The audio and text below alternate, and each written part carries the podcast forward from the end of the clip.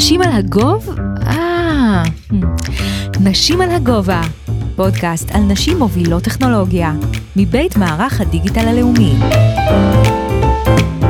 היי, אני יעל בראל, והאורחת שלי להיום היא שירה לב עמי. שירה היא ראשת מערך הדיגיטל הלאומי, ויש לה ניסיון עשיר בתפקידי ניהול בכיר במגזר הציבורי והעסקי. משירה למדתי על החשיבות של עבודה במגזר הציבורי, על ההווה והעתיד של נשים בעולמות הטכנולוגיה, וגם על המקום שמשבר האקלים תופס בחייה. הייתה לנו שיחה מרתקת, ואני ממש מקווה שתהנו מהפרק הזה. בואו נתחיל. היי שירה. היי, בוקר טוב. בוקר. אז למי שלא יודע, אני מנהלת קהילות במערך הדיגיטל הלאומי, ויש לי את הזכות היום לארח את ראשת מערך הדיגיטל, שלמעשה היא גם הביג בוס שלי. זה לא סוד שמהקלטה איתך אני נרגשת וחוששת, אולי זה סוג של פרפורמנס ריוויו, רק קצת הפוך. אז שנתחיל? יאללה. אז ספרי לנו קצת על הדרך שעשית עד התפקיד הנוכחי שלך, ואיפה התחלת הקריירה המקצועית, במקום שאת סופרת את זה, ומה היו התחנות החשובות שבדרך. אז הקריירה שלי מורכבת מחיבור בין עולמות הטכנולוגיה, הביזנס, ואיך משתמשים בכלים האלה לעשות את העולם מקום טוב יותר. הייתי בכל המגזרים, התנסיתי, התחלתי בצבא כמתכנתת, והייתי אחר כך בעולם העסקי, בעולם החברתי-פילנטרופי, ולא מעט שנים במגזר הציבורי. אז יצא לי לראות את כל המגזרים, ובכולם השאלה של איך אנחנו לוקחים את הכלים של דיגיטל ודאטה, ומשתמשים בהם לשפר את העולם, לשפר את הארגון, לשפר את המערכת, זו שאלה שמעסיקה רבים וטובים. אז אם אני אבקש ממך להרחיב על התחנות שבדרך, תוך כך שאני אשמח שתשתפי אותנו מה לקחת מכל אחת מהתחנות. אני אתחיל דווקא מהתארים. יש לי חמישה תארים שניים. אחד האחרון סיימתי לפני שבוע, אז אני מאוד גאה בו. סיימתי את התזה, והתארים האלה נותנים את הסקירה של הרב-תחומיות בעולם, איך כל התחומים מתחברים ביחד כדי לעזור לנו לקדם, להשיג מטרות. למדתי מדעי המדינה, מדיניות ציבורית, משפטים, מנהל עסקים, שכלל ניהול טכנולוגיות ומערכות מידע והתנהגות ארגונית. ואחר כך בקורונה למדתי עוד תואר שני בכלכלה וברגולציה ומדיניות סביבתית. עכשיו נשמע על פניו לא קשור, אבל הכל קשור, הכל מתחבר לאופטימיזציה של מערכות, תהליכים ואנשים.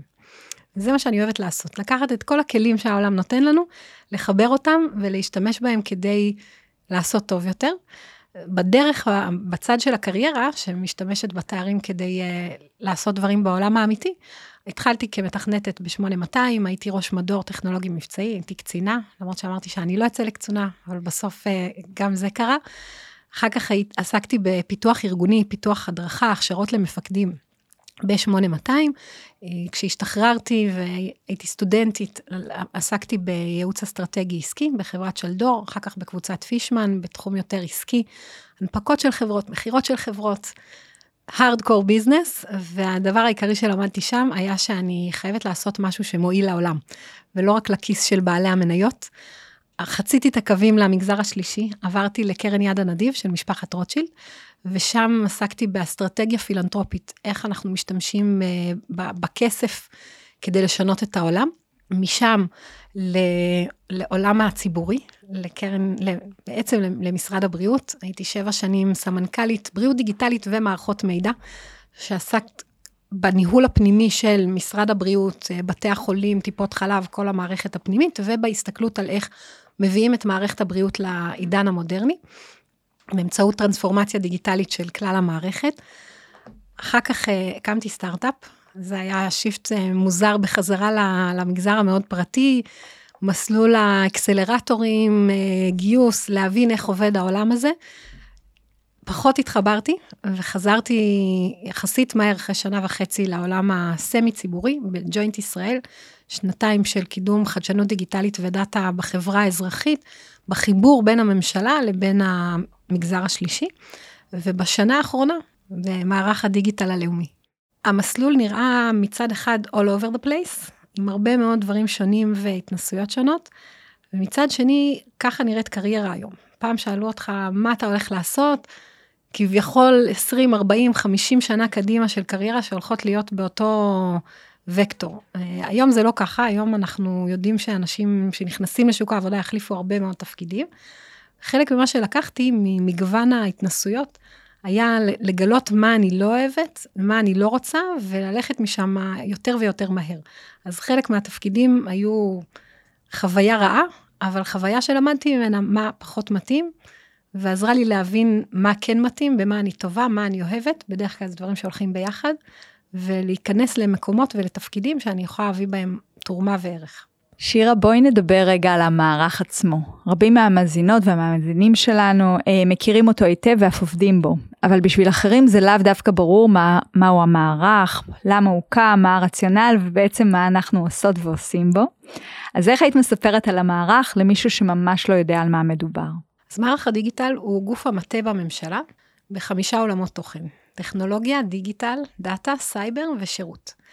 בחמשת עולמות התוכן האלה אנחנו אחראים להזיז את הממשלה קדימה מהמקום שהיא נמצאת בו ולהפוך אותה להיות טובה יותר, חכמה יותר ושירותית יותר. למעשה, המערך קם על היסודות המאוד חזקים של שלוש יחידות שהיו בעבר. ואנשים היו מתבלבלים, שואלים מה הן עושות, איך הן קשורות, למה הן רבות ביניהן, אז, אז אני אסביר, אני אעשה סדר. ממשל זמין זה גוף שקם לפני 20 שנה כדי לבנות את תשתיות הרוחב של הממשלה. במקום שכל משרד יצטרך בעצמו לבנות, למשל, מעטפת שלמה של הגנת סייבר או אבטחת מידע, כמו שקראו לזה במקור, גוף אחד עושה את זה עבור כולם, כולם יכולים ליהנות מהשירותים האלה. הגוף השני שקם היה רשות התקשוב, שבא להגיד איך לעשות את הדברים נכון, איך ללמוד מה-best practices בעולם, איך לבנות בצורה טובה וחכמה את הפתרונות הטכנולוגיים הדיגיטליים בממשלה. וישראל דיגיטלית קמה בתור סוג של אה, מרענן רשמי לממשלה, בתור גוף שבא להגיד, אנחנו חושבים שאנחנו לא עושים מספיק טוב את השינויים, אנחנו לא זזים בקצב מספיק מהיר, בוא נביא את החוכמה מההייטק הישראלי, בוא נביא אנשים מבחוץ, ונחשוב אחרת על הדרך שהממשלה עושה דיגיטל. נתקוף את זה בדרכים אחרות, וננסה לעשות את קפיצת המדרגה שאנחנו לא מצליחים לעשות בממשלה בקצב שהיינו רוצים. ושלושת הגופים האלה, כל אחד מהם הצליח בדרכו. מערך הדיגיטל לוקח את היכולות משלושתם, כדי לתת מענה כולל והוליסטי לאתגרים הטכנולוגיים, דיגיטליים, אה, סייבריים של הממשלה. אז כשהבנו טיפה מה המערך עושה היום ומאיזה גופים הוא מורכב, איפה את רואה את המערך חמש שנים מהיום? מה החזון או לאן את מכוונת? בעולם הסטארט-אפים יש תפיסה של אה, קרנות הון סיכון שנקראת אה, spray and pray.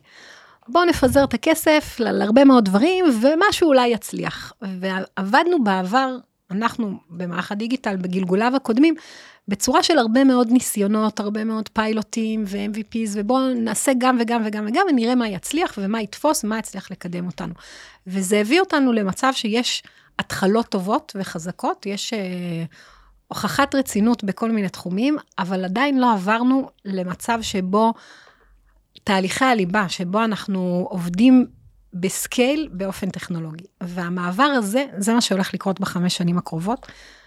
אתן דוגמה, אם היום יש לנו אולי, אולי 20 אחוז מהשירותים הממשלתיים, אפשר לצרוך אותם בצורה דיגיטלית מלאה, באזור האישי, בצורה פשוטה ונוחה, השאיפה שלנו בשנים הקרובות היא להגיע ל-80 אחוז. זאת אומרת, לעבור ממצב שזה המיעוט היוצא דופן, למצב שזה הרוב. שהפעילות כולה של הממשלה מתבצעת בצורה חכמה, מבוססת על, על נתונים, על אלגוריתמים, מחוברת בין המשרדים השונים ובין התהליכים השונים.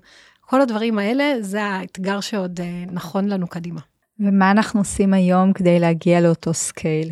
מה שאנחנו עושים כדי להגיע לסקייל הוא בכמה רמות. אחת היא לבנות את המערך ולבנות את ארגז הכלים שאנחנו מביאים למשרדים ולממשלה כולה.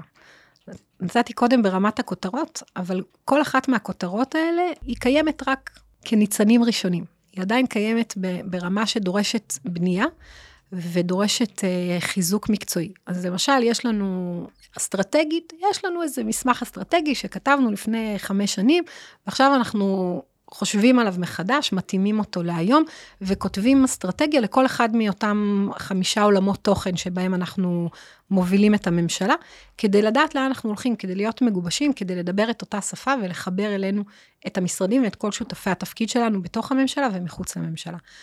בכל, בכל תחום פעילות אנחנו בונים את היסודות היום, מסדירים אותם, בונים את תהליכי העבודה, איך אנחנו עוזרים למשרדים. למשל, בעבר לא היינו נותנים אה, כלים של ייעוץ, היינו נותנים כסף בתור תמרוץ, והיינו נותנים הנחיות.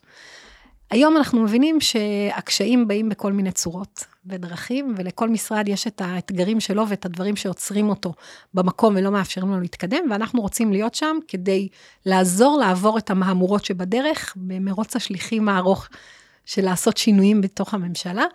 ואנחנו מביאים את, בתוך ארגז הכלים אנחנו מביאים שירותי ייעוץ של גורמים שעשו פרויקטים בממשלה, ראו את הקשיים והאתגרים, יודעים להתמודד איתם, ויכולים לבוא עכשיו למשרד הבא ולעזור לו לצלוח את האתגר. זה יכול להיות בתחום של ארכיטקט ענן לתכנון המעבר של המשרד לענן, זה יכול להיות בתחום ה-UX או ניהול המוצר, או בחשיבה על, על אתגרי הרוחב המשפטיים שעומדים לפתחנו. אלה סוג הדברים שאנחנו היום בונים את היכולת שלנו לעזור בסקייל למשרדים ולממשלה כולה. שירה, אני יודעת שהיו לך אה, לא מעט הזדמנויות לקבל תפקידים מעניינים במגזר הפרטי, ובכל זאת את בוחרת לחזור למגזר הציבורי שוב ושוב. אז למה זה חשוב לך להיות במגזר הציבורי? שליחות, אימפקט. אין תחליף למשמעות של העשייה במגזר הציבורי. וכמו שאמרת, ניסיתי והתנסיתי, הייתי במקומות אחרים. אה, סיפרתי לעצמי סיפור, סיפור טוב. שלדור אה, עושה ייעוץ אסטרטגי, עוזרת לכלכלה הישראלית, זה נורא נורא חשוב. אה, סטארט-אפ שעוסק בבריאות דיגיטלית ועוזר להציל חיים ולשפר את הבריאות. ובסוף זה, זה לא מתקרב בכלל לאימפקט שאפשר לייצר ברמה הלאומית, ולפעמים אפילו ברמה הבינלאומית, במהלכים שהממשלה עושה. זה מחיר כבד, כי העבודה בממשלה לפעמים מתסכלת מאוד, ויש לא מעט ימים שהולכים הביתה ורוצים לדפוק את הראש בקיר, אבל הימים שבהם מצליחים ועושים צעדים ומתקדמים קדימה, הם שווים את, ה... את התסכול הרב של הימים הקשים. את רוצה לשתף באיזושהי דוגמה? ש... אני חושבת שהדוגמאות שה... הטובות מבחינתי של מקומות שיצרנו אימפקט היו בעולם הבריאות. אחרי לא מעט שנים של בנייה והקמה. בעולם הבריאות היינו, התחלנו יחסית מאחורה, והגענו למצב שהיום ישראל, היום וגם לפני הקורונה, היא מדינה מובילה בתחום הבריאות הדיגיטלית. אנחנו יכולים לתת שירות הרבה יותר טוב בזכות זה. אחד האתגרים שקיבלתי כשנכנסתי לתפקיד במשרד הבריאות היה החיבור בין ארגוני הבריאות. והייתה רשת שחיברה מידע רפואי רק בין בתי החולים וקופת החולים של כללית, ורצו להפוך את זה לרשת שנותנת מענה לכל אזרחי ישראל, כל תושבי ישראל, וזה נתקע בהרבה מאוד חסמים, חסמים ארגוניים, חסמים של אגו, אם זה בא מכללית, אנחנו לא מסכימים, ורק אחרי שמשרד הבריאות כגורם לאומי לקח על זה חסות וקידם את זה, וזה דרש, הייתי אומרת, מאות שעות של דיונים משפטיים עם כל ארגון בנפרד, והתמודדות עם אתגרים כמו אי אפשר להתחבר עכשיו לבית חולים בני ציון, כי חסר חשמלאי שיבוא להוסיף חשמל ל data center כדי לשים שרת נוסף. אין סוף חסמים ואתגרים שמתמודדים איתם, ובסוף, היום את מגיעה לחדר מיון, והרופאה פותחת את התיק שלך ורואה את המידע מאשפוז קודם שהיה לך, יכולה לראות את אה, בדיקת ה-CT שעשית, את הבדיקות דם מהקהילה בשבוע שעבר שעשית במכבי, ולתת לך טיפול טוב יותר ומותאם יותר. זו המדינה היחידה בעולם שיש לה פתרון כזה ברמה הלאומית, וזה הישג עצום שקרה בזכות עבודה מאוד קשה של, אה, של הצוות במשרד הבריאות ועם השותפים בכל ארגוני הבריאות. זה סוג של uh, תחושת משמעות משנה את הדרך שבה אנחנו מספקים שירותים לציבור. אז אני אחזור שנייה למערך הדיגיטל, ואני ככה אשתף שלמרות שאנחנו גוף גדול, בתחושתי יש ממש אווירת סטארט-אפ, אווירה של מחויבות, של השקעה אישית, וזה מגיע מהטופ, זה מגיע ממך. אז איך את מצליחה לשמור על עצימות גבוהה? הבעיה שלי הפוכה. אם העצימות נמוכה, זה רע מאוד. התקופה הכי לא טובה מבחינתי הייתה בקורונה, כשהיה קצב איטי ולא היה אקשן, לכן מיד הלכתי ועשיתי עוד שני תארים שניים. התנדבתי בארבעה ארגונים והצטרפתי לשני דירקטוריונים, כי הקצב הנמוך היה רע מאוד מבחינתי. אני נהנית מה, מהעצימות הגבוהה. נהנית למקבל, נהנית לעשות הרבה דברים במקביל ולהתקדם בכולם. אז הסוד אולי הוא המקבילות או למקבל, כמו שאת אומרת. multitasking, יכולת של נשים. פה אני חולקת עלייך, אבל... אמ, אז הרמת לי להנחתה, ובואי נדבר על נשים בטכנולוגיה. איך את רואה את העבר, ההווה והעתיד של נשים בתפקידים טכנולוגיים בישראל? אז אם אני מסתכלת על השוק, גם אצלנו וגם במשק כולו, יש שוני בין תפקידים שונים. ברור שיש פחות מדי נשים בכלל ובממוצע, אבל ככל שיורדים נמוך יותר לעולמות של תשתיות, ברזלים, אה, הגנת סייבר, מספר הנשים אפסי. ככל שעולים גבוה יותר לעולמות האינטגרציה, אפליקציות, יישומים, ניהול מוצר, נשים uh, תופסות יותר ויותר את מרכז הבמה. אני חושבת שהמפתח הוא באיזון טוב בכל צוות של מגוון uh, אנשים, מגוון מגדרים, מגוון דעות, ו- וספציפית, לדעתי, לשאוף להגיע למצב שיש נוכחות נשית בכל מקום שאנחנו מפתחים פתרונות חדשים, זה מפתח להצלחה. אז אני אעמיק ואני אשאל כיצד לדעתך ניתן לגשר על הפער המגדרי ב... בואי ניקח את זה בראייה ארגונית. קודם כל יש פה קצת ביצה ותרנגולת, כי נשים פחות רוצות לבוא לעבוד בצוות שאין בו נשים אחרות. לא רוצים להיות הבודדת היחידה בחדר, וככל שיש יותר נשים, אז זה יותר אטרקטיבי לנשים נוספות להצטרף. אז חלק מהאתגר הוא לייצר את המסה הקריטית הראשונית הזאת, לא רק בארגון, אלא ברמת כל אחד מהצוותים, כל אחד מהמחלקות או היחידות שיש לנו במערך הדיגיטל ובממשלה כולה. בעיניי חלק מהמפתח הוא להכיר בצרכים ובבקשות השונות שיש לנשים, במיוחד בשנים שיש ילדים צעירים, והגמישות הזאת, ככל שנדע לאפשר אותה ולתת אותה, אנחנו נוכל למשוך יותר נשים מעולות, מצוינות ואיכותיות להצטרף לצוות שלנו. זה אומר גמישות בכמות ימי עבודה מהבית, שהממשלה כממשלה אה, לא מאפשרת יותר מיום אחד עבודה מהבית, בעיניי זו טעות, אני חושבת שזה נכון לשאוף לכיוון השוק ולהגיע ליומיים שלושה לפחות של עבודה מהבית. מבחינת כמות השעות, מבחינת היקף המשרה, לאפשר משרה שאיננה 100%. יש לא מעט אנשים שלא רוצים לעבוד 100% אה, משרה, והם יכולים לעשות עבודה מעולה ואף טובה יותר אם הם עובדים 80 אחוז, אני חושבת שהמנגנונים האלה של הגמישות, הם חלק ממה שיאפשר לנו להבטיח שיותר נשים מוכשרות יצטרפו לצוותים שלנו. מה לדעתך הן החוזקות שנשים מביאות עימן אה, לתפקידים טכנולוגיים? multitasking, שאת לא מסכימה. אני חושבת שנשים מביאות איתן, זה, טוב, זה קצת בנאלי להגיד, אבל לנשים יש אה, חוזקות שככלל נוטות לאפיין אה, נשים ביחס לגברים. הצלחות בעולם הטכנולוגיה והדיגיטל מגיעות לדעתי משותפות. וראינו את זה בממשלה, הניסיון לכפות שינוי, וטכנולוגיה היא תמיד שינוי. היא שינוי בדרך שבה עושים דברים, היא שינוי במודל העסקי, היא שינוי בביזנס של הארגון, היא לא לקחת אה, טופס ולהפוך אותו מידני לאפליקציה בטלפון, ושינויים כאלה שדורשים התגייסות של הארגון, לא קורים בהנחתות מלמעלה. הם לא קורים בזה שאנחנו נותנים פקודה והעולם מתיישר, הם קורים בזה שאנחנו מייצרים את השינוי, מחברים אליו, מגייסים אליו, בונים שותפויות.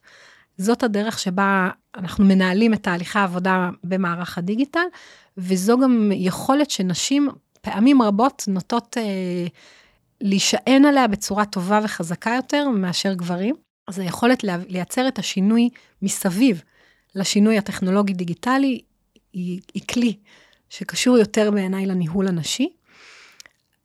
החיבור בין תחומים שונים, אם זה התפקיד של מנהלת מוצר, הוא לחבר בין השפה הטכנולוגית לשפה העסקית, לשפה של הביזנס, מה הוא צריך, מה הוא רוצה, מה אפשר ואי אפשר לעשות בכלים הטכנולוגיים שאנחנו משתמשים בהם, בחיבור לצד הפרויקטלי, התפעולי, איך מנהלים את הפרויקט ומתגברים על החסמים. החיבור הזה, המולטי-דיסציפלינריות, אה, יש גם גברים שעושים אותה טוב, אבל נשים מעולות בה. אז דיברנו על multitasking, אה, על uh, מודל של שותפויות ועל המולטי-דיסציפלינריות. מהן אה, לדעתך, אה, אולי ענית על זה, המפתחות להצלחה עבור נשים בתפקידים טכנולוגיים ובדגש על בכירים? מפתחות ההצלחה הם לא שונים בהכרח לנשים. בעיניי כמנהלת צריך קודם כל לא להתנצל ולא להתגונן. רוב הצרות שאנחנו מסתבכים בהן נובעות ממקומות שבהם נכנסנו לדיון בהתגוננות, או הצלחנו להגיע לעמדת התגוננות במהלך הדיון. לעמוד על שלך, לא להרגיש שאת צריכה להתנצל על העמדה שאת לוקחת, לא מקצועית ולא אישית. לעמוד על האמת המקצועית שלך, להביא את הנושא הענייני לשולחן, ובסוף את אה, תשיגי את מה שאת רוצה. אני אגיד יחד עם זה, גם לא להרגיש שצריך להתנצל על המקומות שבהם צריך להיאבק. לפעמים צריך להילחם, צריך לדרוש, צריך uh, להיות אסרטיבית ולעמוד על שלך, ולא להרגיש שזה בעייתי באיזושהי צורה. יש משפט שאומר, מה ההבדל בין אגרסיבי לאסרטיבי? המגדר שלך. אם את גבר, אז uh, את אסרטיבית, אתה אסרטיבי. אם את אישה, את אגרסיבית. יש נטייה להסתכל על uh, ביטויים של אסרטיביות אצל נשים, ולבקר אותן הרבה יותר מאשר מבקרים גברים על אותה התנהגות. ואני אומרת, אה, לא להתנצל, זה בסדר, לפעמים צריך להילחם. עדיף להילחם כשאת יודעת איך, אה, איך זה ייגמר, ולבנות את זה על בסיס שותפויות ועל בסיס אה, הבנה של מה הצד השני רוצה ומה הוא מביא לשולחן. אבל לפעמים גם, גם בלי לדעת איך זה ייגמר, צריך לצאת למלחמה ולנצח. אז אני רוצה לקחת אותנו למקום אחר ולדבר קצת על הנושא של אה, משבר האקלים, שאני יודעת שהוא מאוד קרוב לליבך. למה ומתי הפכת לפעילה כל כך בנושא הזה? אז היו שתי נקודות שהשפיעו על המעורבות שלי במשבר האקלים. האחת הייתה כשהפכתי לאימא. אמנם בנאלי, אבל פתאום הטריד אותי לאיזה עולם אני מביאה את הילדים שלי, ומה יהיה פה בעוד 20, 30, 50 ו-100 שנה. וזה גרם לי להסתכל אחרת על העולם שאנחנו חיים בו ולשאול שאלות. ואחר כך קראתי כתבה על מה שהיום קוראים לו ה tipping points. זה נקודות שבעצם אנחנו יוצאים משליטה בתחום האקלים, שאנחנו... האמזונס הופך ממשהו שקולט פחמן למשהו שרק פולט פחמן, ואנחנו, אי אפשר ליוצר מעגל שאי אפשר לצאת ממנו. ה tipping points האלה, בתור מישהו שדווקא קצת אוהב שליטה, זה מאוד מפחיד. זה נקודות שאנחנו לא יכולים להגיד, אוקיי, אז נשנה את ההתנהגות שלנו עוד 50 שנה, כשיהיו פתרונות וזה יהיה קל יותר, ותמיד נוח יותר לזרוק את האתגרים לעתיד. זה לא עובד. אנחנו מתקרבים מאוד מהר לכמה וכמה נקודות על חזור, שאחריהן אנחנו כבר לא נוכל להתאושש בצורה קלה מה, מהנזק שגרמנו, וזה שם לי מראה. זאת אומרת, זה האתגר הכי גדול של הדור שלנו. אי אפשר להימלט ממנו, וכל אחד בתחומו צריך לעשות את המקסימום שהוא יכול כדי למצוא את הכלים והפתרונות למשבר האקלים. ומה את עושה היום? אז הייתי רוצה לעשות יותר. האתגרים, הדברים שאנחנו במערך הדיגיטל יכולים לעזור בהם בתחום משבר האקלים, הם קיימים, הם לא, הם לא בחזית הטכנולוגיה, כי החדשנות שקורית כדי להתמודד עם האתגרים של משבר האקלים, היא חדשנות בעולמות הפיזיים. אחרי עשורים רבים של התפתחויות טכנולוגיות שקרו בעיקר במרחב הווירטואלי, אוטומציה ומחשבים וענן ואפליקציות, טלפונים ניידים, החדשנות שאנחנו צריכים ומפתחים אותה היום בשביל להתמודד עם משבר האקלים, קורית בעולמות התשתיות, האנרגיה, התחבורה, המזון. כל אחד מהעולמות הפיזיים שלנו צריכים להשתנות בצורה דרמטית כדי להצליח להתמודד עם האתגר הענק שהאנושות uh, מתמודדת איתו, ודיגיטל ודאטה יכולים לעזור. הם בעצם מייצרים פתרונות היברידיים. הם יכולים לעזור לנהל את רשת החשמל בצורה חכמה יותר, לנהל את הפיתוח של החלבון האלטרנטיבי בצורה מבוססת נתונים, ולא רק לנסות אלף פתרונות ולקוות שהאלף ואחד יצליח. הם יכולים להיות תומכי לחימה, הם לאו דווקא בחזית, אז אנחנו מחפשים היום פתרונות במערך הדיגיטל, בשותפות עם משרדי ממשלה כמו הגנת הסביבה וכמו אנרגיה, לאתגרים שהממשלה מתמודדת איתם, לאתגרי פערי המידע שיש לנו, כשלי שוק בתחום הזה, איך עוזרים לרשויות המקומיות לדעת איפה יש בעיה, איפה יש אתגר. אלה דברים שהממשלה לא התמודדה איתם עד היום, ועכשיו אנחנו שמים אותם בסדר עדיפויות גבוה בתחומים שאנחנו רוצים לעזור לקדם. אני רוצה לשאול שאלה, ואני, אולי אה, זה יתכתב עם השאלה הקודמת, עם משבר האקלים. איפה את רואה את עצמך בעוד עשר שנים מהיום? הממשלה בחוכמה הגדירה קדנציות לתפקידים בכירים, ולכן התפקיד שלי מאוד קצר ומוגבל בזמן, וטוב שכך. אני עוד לא יודעת להגיד מה יהיה התפקיד הבא, אבל אני כן הייתי שמחה שהוא ימשיך להיות בעולמות שבהם אנחנו משתמשים בטכנולוגיה וחדשנות, כדי לפתור את אתגרי העתיד, וכדי להפוך את העולם למקום טוב יותר. אם זה בעולם האקלים, אם זה בעולם הציבורי, ואם זה בעולם הפרטי או הבינלאומי, שמתמודד עם האתגרים האלה בשיתוף פעולה בין מדינות. אז שאלתי אותך איפה את רואה את עצמך בעוד עשר שנים מהיום, והייתי רוצה שנייה לקחת אחורה בזמן. אם היינו חוזרות לשירה הילדה, מה היית אומרת לה? לקח לי הרבה שנים להכיר בעצמי כמנהיגה. הרגשתי שלהגיד על עצמי שאני מנהיגה או מנהלת, זה שחצני, זה יהיר, זה לא נשי. ובשלב מסוים הבנתי שלא רק, לא רק שזה לא משהו שצריך להתנצל עליו, זה מקור כוח. בשביל להצליח בכל דבר, צריך לעשות אותו על השולחן, להיות גאים בו, ולהיות מנהל טוב, דורש קודם כל להגיד, אני מנהל אני מנהלת, אני רוצה להיות טובה בזה, אני רוצה ללמוד את הכלים הכי טובים שאני יכולה להביא לתוך התפקיד. אני רואה את עצמי כמנהיגה, בכל חדר שאני נכנסת אליו, אני שואלת את עצמי לאן אני רוצה שהמקום הזה ילך, איך הוא יכול להיות טוב יותר, ולוקחת עמדה של מנהיגות בלי להתנצל. הייתי שמחה להגיד לעצמי הקטנה אה, את הדבר הזה, כדי לא לבזבז הרבה מאוד שנים של אה, התנצלות על עמדת המנהיגות הזו. מנהיגות זה דבר שלוקחים אותו ובראש מורם. שאלה שמתבקשת, את גם אימא וגם עובדת אה, לדעתי מעל 180 אה, אחוז משרה, איך עושים את זה? אז קודם כל מתחתנים טוב. אצלנו בבית, בזוגיות המשפחתית, אה, יש כמה תחומים מאוד לא טריוויאליים שלא נמצאים באחריותי בכלל. בדיקות תקינים לילדים, חיסונים בטיפות חלב, דברים שאני לא עשיתי מעולם, אז אני רק יכולה להגיד תודה רבה לטל, שהוא אבא מדהים ונפלא. והדבר השני זה הרבה מאוד outsourcing. כל דבר שאפשר אה, לקנות במיקור חוץ, אה, הכנת אוכל, הסעות לילדים, קיפול כביסה, מה שאפשר, אני אה, משתמשת ב- בכל הכלים שהעולם נותן. אני לגמרי איתך. שירה, אנחנו לקראת סיום, וביקשתי ממך להביא איתך תמונה אישית שלוכדת רגע בזמן שהשפיע עלייך. תוכלי לתאר למאזינים שלנו מה אנחנו רואות כאן בתמונה, ואז אה, גם לספר למה בחרת דווקא אותה. טוב, אז מה שרואים פה בתמונה זה אותי ואת הבת שלי בניו זילנד, עולות על מטוס לצניחה חופשית, והבאתי אותה כי בניגוד לזה שבדרך כלל צניחה חופשית זה נראה כיף, כולם מחייכים, צוהלים, אני ממש לא רציתי לעשות את זה. זה ממש מפחיד בעיניי, לא כיף בכלל. והסיבה שעשיתי את זה הייתה כי מישהו היה צריך לעלות עם הילדים, הילדים מאוד מאוד רצו, וטל אה, עשה את הנגלה הראשונה עם איתן, הבן האמצעי, ובעצם לא הייתה ברירה.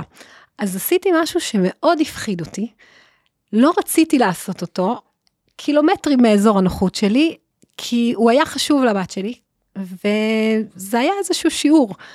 לא בטוחה מה למדתי מזה, אבל החוויה הזאת, בסוף אנחנו מסוגלים לעשות דברים קשים, מפחידים, מאתגרים, כש, כשיש לזה סיבה, כשזה עבור משהו משמעותי או מישהו משמעותי שאנחנו מאמינים בו, ושווה את הסיכון, את האומץ שנדרש. תראי לי לרגע את התמונה, בת כמה הבת שלך כאן? היא הייתה פה בת עשר, ועכשיו היא בת 15. היא רצתה לעשות את זה בגיל 10? מי שלא קיבל את הזכות היה בן ארבע וחצי, והוא עד היום כועס עלינו שלא נתנו לו לעשות אה, צניחה חופשית בגיל ארבע וחצי. זה אף פעם לא מאוחר, אפשר להדביק את זה. אבל אני לוקחת את המסר אה, איתי, אני חושבת שאנחנו הרבה פעמים צריכים לפרוץ את המחסומים ואת הפחדים של עצמנו כדי להתקדם הלאה. ולהעיז ולא לפחד, וניכר שזה עלה מתוך הרעיון איתך. תודה רבה. תודה רבה, שירה. נשים על הגובה, פודקאסט על נשים מובילות טכנולוגיה, מבית מערך הדיגיטל הלאומי.